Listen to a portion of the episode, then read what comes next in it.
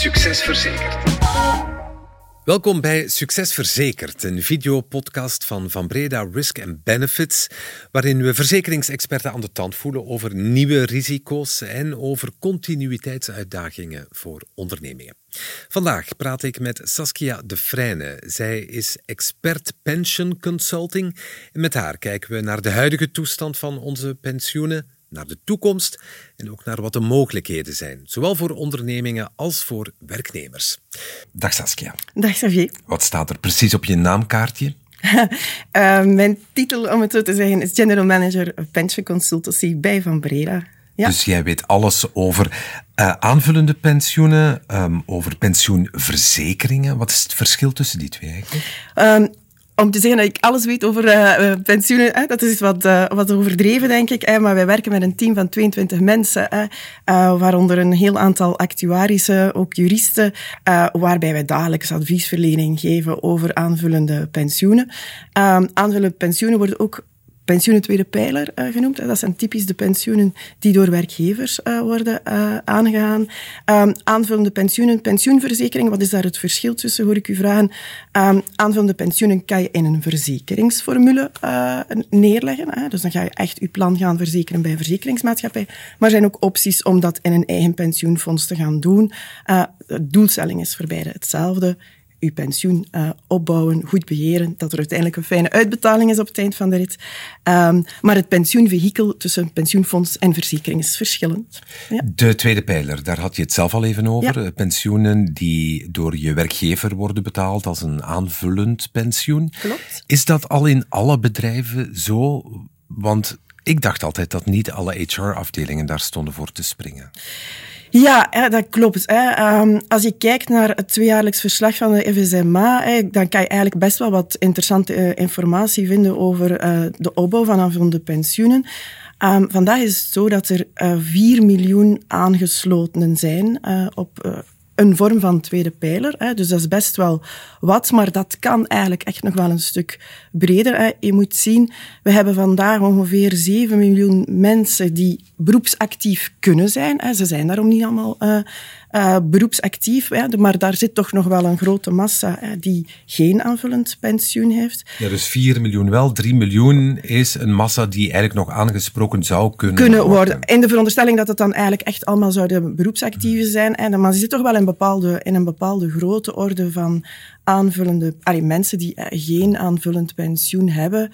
Um, en uh, wat dan toch ook wel nog een opmerkelijke vaststelling is van die 4 miljoen aangeslotenen zijn er ook wel uh, nog een heel aantal die eigenlijk maar een beperkt aanvullend pensioen hebben. Ik denk vooral aan de sectoren, sectorpensioenplannen. Die bijdragen zijn best nog wel beperkt. Ja, want de ene sector is daar genereuzer in dan de andere? Ja, maar we zien toch eigenlijk wel dat eigenlijk de interessante uh, uh, aanvullende pensioenen, als ik het dan zo mag noemen, dat dat eigenlijk echt op niveau van onderneming zit. Hè. Je hebt uh, de sectoren, de ene zal wel wat voordeliger zijn dan de ander, maar er zit niet zeer, geen zeer grote verschillen op. Maar op die sectorpensioenen gaat heel vaak een onderneming nog aanvullen met een bijkomend pensioenplan. Dus het hangt echt af van het bedrijf waar je werkt, ja, of ja, je... Een mooi appeltje voor de dorst meekrijgt als je daar ooit weggaat. Ja, ja, ja, dus de werkgever heeft daar een zeer belangrijke rol in. In, ja, kijk, welk budget wil je daarvoor uh, vrijmaken? En um, het blijft een zeer aantrekkelijk loonsvoordeel. Hè. Aanvullende pensioenen. Um, het wordt soms wat stiefmoederlijk behandeld door HR, maar um, het is een, een zeer aantrekkelijk voordeel, omdat het minder fiscaal getaxeerd wordt. Ja, want je zegt het is een voordeel, een, een aantrekkelijk voordeel voor wie aan de slag is binnen een bedrijf. Is het voor het bedrijf zelf ook ja. interessant en aantrekkelijk? Ja, hè, als je het budget hebt en je kan het uitgeven aan loon of aan uh, aanvullende pensioenen, is het zeker interessant. Hè. Als je kijkt een loon, hè, als je 100 euro betaalt, dan betaal je daar 25% uh, sociale zekerheid op. De persoon gaat daar zelf dan ook nog op de 100 zelf nog sociale zekerheid op betalen, gaat daar zelf belasting op betalen. We zitten daar ongeveer met een ratio 1 op 3. Hè. Dus van de, de 120, 125 dat iemand uitgeeft, hou je 30, tussen de 30 en de 40 over. Ja, dat is toch wel een groot verschil met aanvullend pensioen, waar je niet die zware sociale zekerheid hebt en dat de taxatie op het eind van de rit veel gunstiger is. Um, maar het is wel zo zo, um, Xavier, ja, het is geen onmiddellijk loonsvoordeel. Hè. Het is geen cash. Je moet, moet 30, 35, 40 jaar... hebben. Ja. ja. exact. En dat, allez, dat speelt natuurlijk ook wel mee. Hè. Mensen, en zeker in deze tijden, willen vooral uh, dat cash. Hè. Maar het is voor de werkgever evengoed een interessante piste om het in te voeren. Hè. Het is ook duidelijk bij een bevraging dat gebeurd is bij werkgevers dat uh, men dat ook echt wel wil, behouden en dat men eigenlijk ook niet wil dat er aan dat regelgevend kader wordt geraakt van aanvullende pensioenen. Ja. En voor uh, werknemers is het niet onbelangrijk als ze na hun pensioen een bepaalde levensstandaard willen aanhouden, dan zullen ze dat ook nodig hebben, want met die eerste pijler alleen ga je niet verlopen. Nee, dat is inderdaad zo. Hè. Dat is een hele grote uitdaging. Hè. Als je ziet, uh, en het uh, alleenstaande wettelijk pensioen hè, voor een volledige carrière is maximaal 2700 euro bruto. Hè. Dat klinkt niet weinig. Ik vertaal je dat in netto. Hè. Dan spreek je over 1700 euro voor een werknemer. En, um, spreek ik nog niet over zelfstandigen. Ja, als je 1700, 1800 euro netto, als je daar alles moet mee bekostigen, denk dat we allemaal de artikels gelezen hebben over hoeveel rust uh, en hoeveel een woonzorgcenter kost.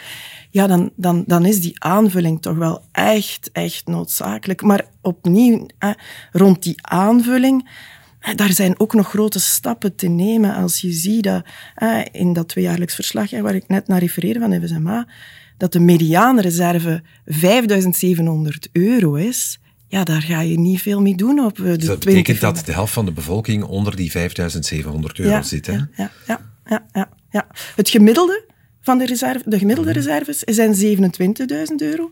dat is een interessant gegeven. Hè. Dus mediaan is 5.700. Zoals dat u zegt, de helft zit daaronder qua opbouw. Uh, als ik dan kijk naar het gemiddelde, zit je op 27.000 euro. Dus dat wil eigenlijk ook zeggen dat er een beperkte groep is die zeer veel opbouwt. Hè. De 1 procent. Ja. je zal in die grote orde zitten van 1 of 2 procent, die dan zeer veel opbouwt en die dan dat cijfer eigenlijk boost. Maar als je kijkt naar de mediaan, is dat toch vrij pijnlijk in mijn ogen. Ja. Dan zijn we met z'n allen wakker geschud. En wie nu aan het luisteren is en denkt, zal ik dat dan maar gaan vertalen in verloningsbeleid? Hoe kan je daar dan het best mee aan de slag gaan? Ja, verloningsbeleid. Um, ik, ik ben eigenlijk nogal een bepleiter om uw aanvullende pensioenen meer te gaan aligneren met uw verloningsbeleid als HR-manager, HR-director. Ehm, als ik daarnet zei dat um, aanvullende pensioenen soms wel stiefmoederlijk worden behandeld, dat is eigenlijk omdat dat, dat is complex. Het is een complexe materie, de regelgeving verandert heel vaak en dergelijke. En als HR is het soms niet altijd makkelijk om dat ook tot bij je mensen te brengen. Maar als die daar eigenlijk eens anders gaan naartoe gaan kijken van um, wat vind ik als bedrijf vanuit HR belangrijk? En welke verloningsprincipe noemen we dat dan? Hè? Vind ik belangrijk? En je gaat je aanvullend pensioen vanuit die kracht drijven, dan ga je dat veel dichter bij je mensen brengen. Hè? En ik wil daar misschien een voorbeeldje van geven. HR-managers die hebben bepaalde accenten dat ze leggen in hun verloningsbeleid. En dat kan heel verschillend zijn. Je kan een caring employer zijn, iemand die zorgzaam is. Je kan iemand zijn als werkgever die vooral cost-affordable is, cost-driven is. Um, er zijn er die zeggen, ja, voor mij moet ik het, ik wil het liefst simpel houden, of ik wil performance, vooral uh, echt performance gaan belonen. En ja, ik heb samen met Vlerik uh, aan een werk geschreven waar we eigenlijk hebben gezegd, kijk, als je die verloningsprincipes nu gaat toepassen op aanvullend pensioenen, kan je daar dan beter gaan over communiceren. En eentje die er voor mij uitspreekt is, is ja, wanneer je echt als caring employer je wilt profileren, dan kan je echt wel veel doen met je aanvullend pensioen. Ja. Dus het gaat eigenlijk over welke filosofie je als bedrijf hanteert dat je dat vertaalt in een verloningsbeleid, al dan niet aangevuld met een pensioenplan. Ja, ja exact. Hè. Daar, gaat het echt over. En dat maakt het veel meer dichtbij bij, bij je werknemer. Hè. Als ik daar een voorbeeld mag van geven. Als je zegt, kijk, ik vind het belangrijk om een caring employer te zijn. Ik wil als werkgever mijn rol opnemen in de belangrijke levensgebeurtenissen van een persoon. Hè. Wanneer je aan het werk bent, zorg ik voor pensioenopbouw. Mocht je helaas komen te overlijden, zorg ik dat er een overlijdenskapitaal is voor je, voor je nabestaanden. Wanneer je ziek wordt, ga ik ervoor zorgen dat je een gewaarborgd inkomen krijgt, maar dat ook je pensioenopbouw doorloopt. Hè. Dus um, Je kan ook uh, heel, je kan ook heel um, joviaal zijn, om zo te zeggen, in vorm van tijdskrediet, waarbij je zegt van, ik herken dat mensen tijdskrediet nemen voor zorg voor kinderen en een zieke partner, en ik zal ervoor zorgen dat dat eigenlijk geen impact heeft op je aanvullend pensioen, dat dat is alsof dat je had gewerkt. En dat is dat is een heel mooi verhaal om dat neer te leggen in uw aanvullend pensioen en dat te linken als, kijk, dat zit in de filosofie die door het bedrijf loopt als caring employer. En um, ja, wat ik zei, ik, ben daar eigenlijk echt wel een bepleiter van. Start vanuit uw principes, vanuit uw verloningsprincipe. Waar wil je accent op leggen? En hoe neem je dat in hele comp en ben pakket mee? Ook in uw aanvullende pensioenen. Ja. Zullen we dan eens, um, als we dan een bedrijf zijn, even virtueel, dat daarop wil inzetten, zullen we dan eens gaan winkelen in de pensioenwinkel en wat daar allemaal in de schappen ligt? Wat je dan heel vaak hoort is tak 21. Wat is een tak 21 product? Een tak 21 product, dat is eigenlijk, uh, daar is het zo'n beetje allemaal mee begonnen, een aanvullend pensioen. Uh, de werkgever stort bijdragen, soms ook de werknemers samen, en dan een pakketje geld. En dat pakketje geld wordt geëxternaliseerd. Hè. Dat betekent, je gaat dat bij een verzekeringsmaatschappij neerleggen of bij een pensioenfonds. Dat is die externalisatie, dat is ter bescherming van de werknemer. Nu, dat pakketje geld, dat is de bedoeling dat dat geld opbrengt, hè, dat er een bepaalde rente uit voortkomt. En um, een tak 21 product, ja, dat is een product van de verzekeringsmaatschappij, waar de verzekeringsmaatschappij het engagement aangaat om een vaste rente te geven. Hè. Dat kan 1% zijn, dat kan 3% zijn. Vandaag is dat tussen de 0 en een halve procent rente dat je dus in feite op dat pakketje krijgt. Hè. En het is een veilige belegging. Ja, het is absoluut een veilige belegging. Hè. Je krijgt dus dat engagement, hè. de verzekeraar maakt dat waar. Je krijgt er ook nog mogelijk een winstdeelname bij. Je kan eigenlijk perfect budgetteren wat je gaat krijgen van uh, uw verzekeraar. Hè. Dus dat is absoluut een veilige uh, belegging.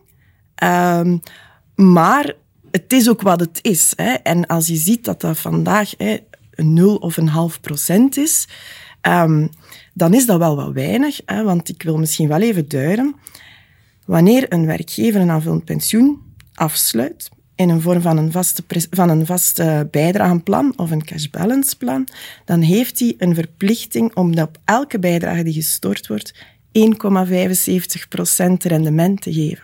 Ja, dus je voelt eigenlijk al het gat ontstaan. Ik moet als werkgever 1,75 geven en ik krijg van de verzekering een nul of een halve, of misschien gaat het misschien terug een beetje stijgen en een stukje winstdeelname. Ja, dan voel je onmiddellijk dat dat niet voldoende is. En dat zorgt wel wat voor spanning en um, waarbij dat werkgevers toch gaan zien, zijn er alternatieven. Zijn er alternatieven? Er zijn gelukkig alternatieven.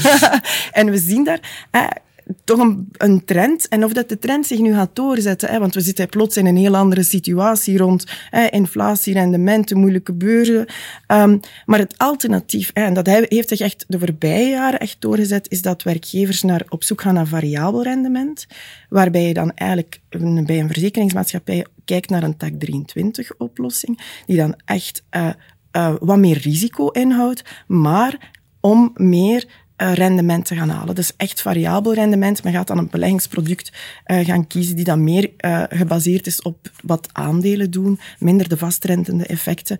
En dan gaat, de werkge gaat de verzekeraar geen vaste engagement meer aan. Die zegt, ja, het rendement zal dat zijn wat dat het oplevert op het eind van de rit, hè, dat jaar. De markt zal daar dat spelen. Dat is absoluut de markt die daar speelt. En daar pak je meer risico. Kan dat ook een nadeel zijn? Dat kan een voor- en nadeel zijn. Hè. Dus als de markt het goed doet, ga je eigenlijk veel meer rendement hebben. Als de markt het minder goed doet, dan, uh, ja, dan ga je minder hebben dan met het Verlies vaste... maken, dat kan ook? Dat kan, dat kan.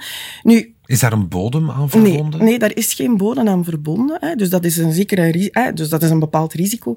Nu, ik denk dat dat een misschien van de belangrijkste adviezen is dat wij altijd meegeven, is zoiets mag je niet bekijken op een jaartermijn. Hè. Je, je, je moet dat actie... Als je kiest voor een TAC 23 uh, product, dan aanvaard je een bepaald risico, maar aanvaard je ook dat je dat beoordeelt op de langere termijn.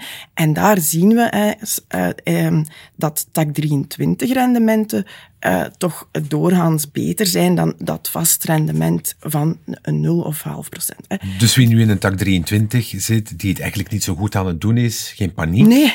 Dat gaat zich herstellen. Dat, ja, dat is de verwachting dat dat zich gaat herstellen. Uh, dat zal niet, dit jaar is het niet, niet goed. Wat het volgend jaar zal zijn ook, is, is niemand mm heeft die glazen bol, helaas. Maar ehm, ja, op langere termijn, de, de tijdshorizon van het pensioenplan is zodanig lang dat je die correcties daar wel kunt hebben en dat dat toch gunstig is hoor. Ja, ja. Ik kan me voorstellen dat het voor het ene bedrijf al makkelijker is dan voor het andere om aan de achterban, aan de werknemers uit te leggen waarom ze tak 21 of tak 23 doen. Een bedrijf waar mensen wat risicoavers zijn, die zullen misschien, ook al is dat rendement lager, liever niet kiezen voor een tak 23. Ja, dat klopt. Hè. Dat is zeker. Hè. Het is zo, een, een werkgever kan niet zomaar altijd kiezen tussen verschillende financieringen. Je, ja, je bent bezig met loonsvoordelen. Hè. Dus je, mag, hè, je hebt daar niet altijd zomaar de vrijheid om daaraan te gaan uh, sleutelen. Maar um, effectief, als er wat risicoaversie is, hè, men schrik heeft, gaat men eerder kiezen voor de zekerheid. En um, nu, ja, wat dan misschien ook wel belangrijk is in dat verhaal, is Um, die werkgever blijft met die 1,75% garantie zitten. Als die van de verzekeraar een half procent krijgt, die, de werkgever moet altijd die 1,25% bijpassen. En dat is dan soms hè, de, de spanning die er is. Ja, waarom hè, moeten we dan naar meer risico gaan? De werkgever moet het dan moet het toch bijpassen. Dus dat is, dat is, een, dat is soms voer voor debat hoor. Maar ja, werkgever ja, die proberen natuurlijk ook wel bepaalde maatregelen te nemen om het financieel haalbaar te houden. En met de lage rendementen die er zijn geweest, zorgt dat wel voor bij bepaalde bedrijven wel voor, uh, voor een bepaalde druk op die aanvullende pensioenen. Ja. Wat kost het eigenlijk om in zo'n plan te stappen of zo'n plan op poten te zetten? Oh, dat is eigenlijk... Um, dat is... Um, dat hangt eigenlijk af van wat je als werkgever zelf wil geven. En wat we heel klassiek zijn, zien is een DC-plan, dus een Defined Contribution, vaste bijdrageplan, dat is allemaal hetzelfde, waarbij je als werkgever het engagement aangaat, ik ga voor u een vaste bijdrage betalen. Dat kan 3% zijn op het loon, dat kan, maar dat kan even goed 1000 euro per jaar zijn. Hè? Dus dat bepaal je zelf. Je hebt daar ook wel wat taxen die daarop drukken, die moeten betaald worden. Um, maar wat, is, uh, wat de kostprijs is, hangt echt af van je type pensioenzegging. Hè. Als je een alleen defined contribution, dan kan je dat echt gewoon gaan budgetteren.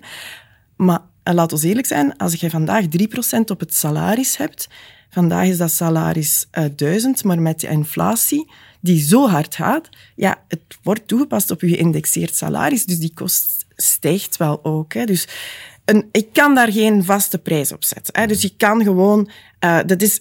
Maar kan je het laten mitigeren? Uh, ja, je kan, je kan eigenlijk je type pensioenstoezegging, je kan uh, uh, bijvoorbeeld, wat we zien is 3% op een loon tot een bepaald plafond. En daarboven ga je bijvoorbeeld maar, ga je bijvoorbeeld 5% boven. En dus dat is wat we noemen step rates. Hè. In plaats van 5% over het ganse salaris ga je eigenlijk trapjes inbouwen. Geen flat rate, maar dat je dat afhankelijk van hoe groot het, het loonvolume is, de loonmassa, laat je dat meestijgen. Je kan dat, je kan dat laten meestijgen. Nu, die stijging, de step rate dat ik net vertelde, die 3% en 5%, dat is iets wat je heel vaak ziet. Um, dat is heel vaak tot aan het wettelijk pensioenplafond. En daarboven gaan we meer gaan bijpassen omdat de terugval groter is, omdat boven het pensioenplafond heb je geen... Ja, je wettelijk pensioen is beperkt tot dat pensioenplafond.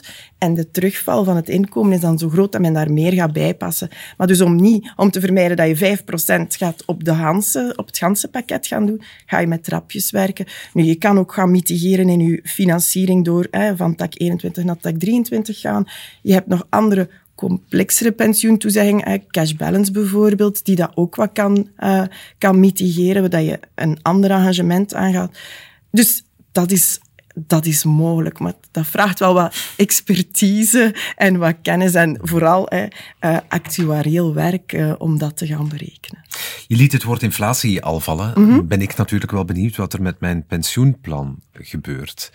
Als het leven duurder wordt en als de lonen ook stijgen, hè, dan, dan zou het dus ook kunnen dat het pensioenplan dat je op poten hebt gezet, dat dat ook duurder wordt. Maar wat gebeurt er nog? Ja, dus effectief, uw, uw inflatie, als uw plan gebaseerd is op salaris, dan wordt uw plan sowieso duurder. En um, dat is een uitdaging vandaag hè, voor werkgevers. Hè, want je hebt niet alleen die loonkost die stijgt, maar ook hè, dat neveneffect daarop. Nu, um, wat doet het natuurlijk ook als je dan... Hè, want dan spreek ik eigenlijk over korte termijn, maar wat doet het natuurlijk met op lange termijn? Is die inflatie is zo hoog, rendementen zijn zijn slecht. Dus je verliest eigenlijk een waarde van kapitaal. Want je rendement moet eigenlijk al boven je inflatie gaan, vooraleer dat je eigenlijk je kapitaal behoudt op zo'n waarde dat het zou moeten zijn. En dat is toch wel een, een speciaal uh, spel. Maar opnieuw moet ik de kanttekening daarbij maken dat je hier moet kijken ook terug op die langere termijn. Hoe lang houdt die inflatie aan? Wanneer corrigeren die markten zich terug? Hè? Duurt dat duurt dat alleen dit jaar en volgend jaar en gaan we dan terug stijl omhoog? Of zitten we echt in een langere periode? Dus, um, maar het vreet dus eigenlijk een mm. stuk aan je kapitaal, hè, omdat je die dat rendement natuurlijk niet gaat halen. Ja. En zoals je net al zei, niet in paniek schieten. Dat is heel slim als je met geld werkt, denk ik. Hè? Dat is absoluut zo. En uh, niet in paniek. En uh, ook wel een oproep toch aan uh, ehm, HR of finance. Hè, want we zien vaak aanvullende pensioenen dat wordt soms verdeeld qua bevoegdheid tussen HR en, um, en finance, om op geregelde basis eens te mhm. kijken van waar kom ik nu eigenlijk uit? En niet zozeer van wat is de opbouw voor mijn mensen is belangrijk, maar ook van wat kan mij dat potentieel kosten? Hè? Als het hè, rendement zo lang zo laag blijft, wat, wat heeft dat voor mhm. impact? En hè, welke factuur staat daar tegenover? Dat is eigenlijk iets dat soms niet, men is daar niet altijd bewust van, van de factuur die daar kan zijn, vooral omwille van die rendementsgarantie. En je kan daarop ingrijpen, hè, inderdaad, niet in paniek. Hè, dat is absoluut niet nodig, dat is ook absoluut niet de boodschap. Maar het is wel gezond om er op geregelde basis eens naartoe te kijken en zeggen van, zit mijn financiering, oké, kan ik daaraan sleutelen, kan ik daar iets mee doen, om dat toch gezond te houden. Ja. Als we denken aan trends, dan denken we misschien aan modewinkels, aan schoenenwinkels. maar dit is ook een product in een commerciële markt natuurlijk. Uh, misschien minder sexy dan een paar schoenen, maar minstens zo nodig.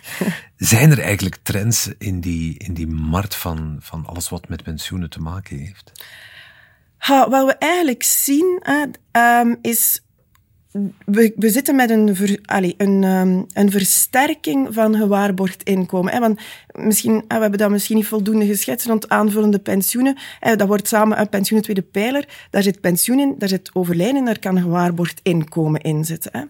Tot een paar jaar geleden hè, is er 40% ongeveer van mensen die een aanvullend pensioen hebben, die ook een dekking gewaarborgd inkomen hebben. En we zien toch wel dat de, dat die trend stijgende is. Hè? Dus dat, er, dat die uitbreiding naar gewaarborgd inkomen versterkt. Dat is heel Waarom is dat? Omdat steeds meer mensen uitvallen? Ja, dat is, speelt zeker wel mee. Plus daar zit een stuk concurrentie in. Hè. Als mijn concurrent het doet, als ik competitief wil zijn, dan hè, is dat ook wel een, een verwachting die daar leeft. Hè. Dus dat is wel, uh, dat is wel uh, zeker een element dat we zien. Wat, wat we tot nog toe zagen is absoluut die verschuiving naar tak 23, variabel rendementen, pensioenfondsen. Dat zien we ook. Of dat zich dat gaat doorzetten, dat moeten we even afwachten. Um, modetrends en uh, voor de rest zijn er in aanvullende pensioenen niet, uh, niet zo uitgesproken, omdat het, het is ook een bepaald, er is een bepaalde logheid aan aanvullende pensioenen. In die zin, je kan dat niet zomaar, je kan niet elk jaar aan je aanvullende pensioenen gaan, gaan sleutelen. Hè. Dus dat is een bepaalde, bepaalde beperking die daarin zit. Maar um, uit een bevraging dat Pensio Plus heeft gedaan, uh, um, was er toch wel iets dat mij opviel jonge mensen, 65% van de jonge mensen zegt, ik lig daar niet wakker van, van mijn aanvullend pensioen.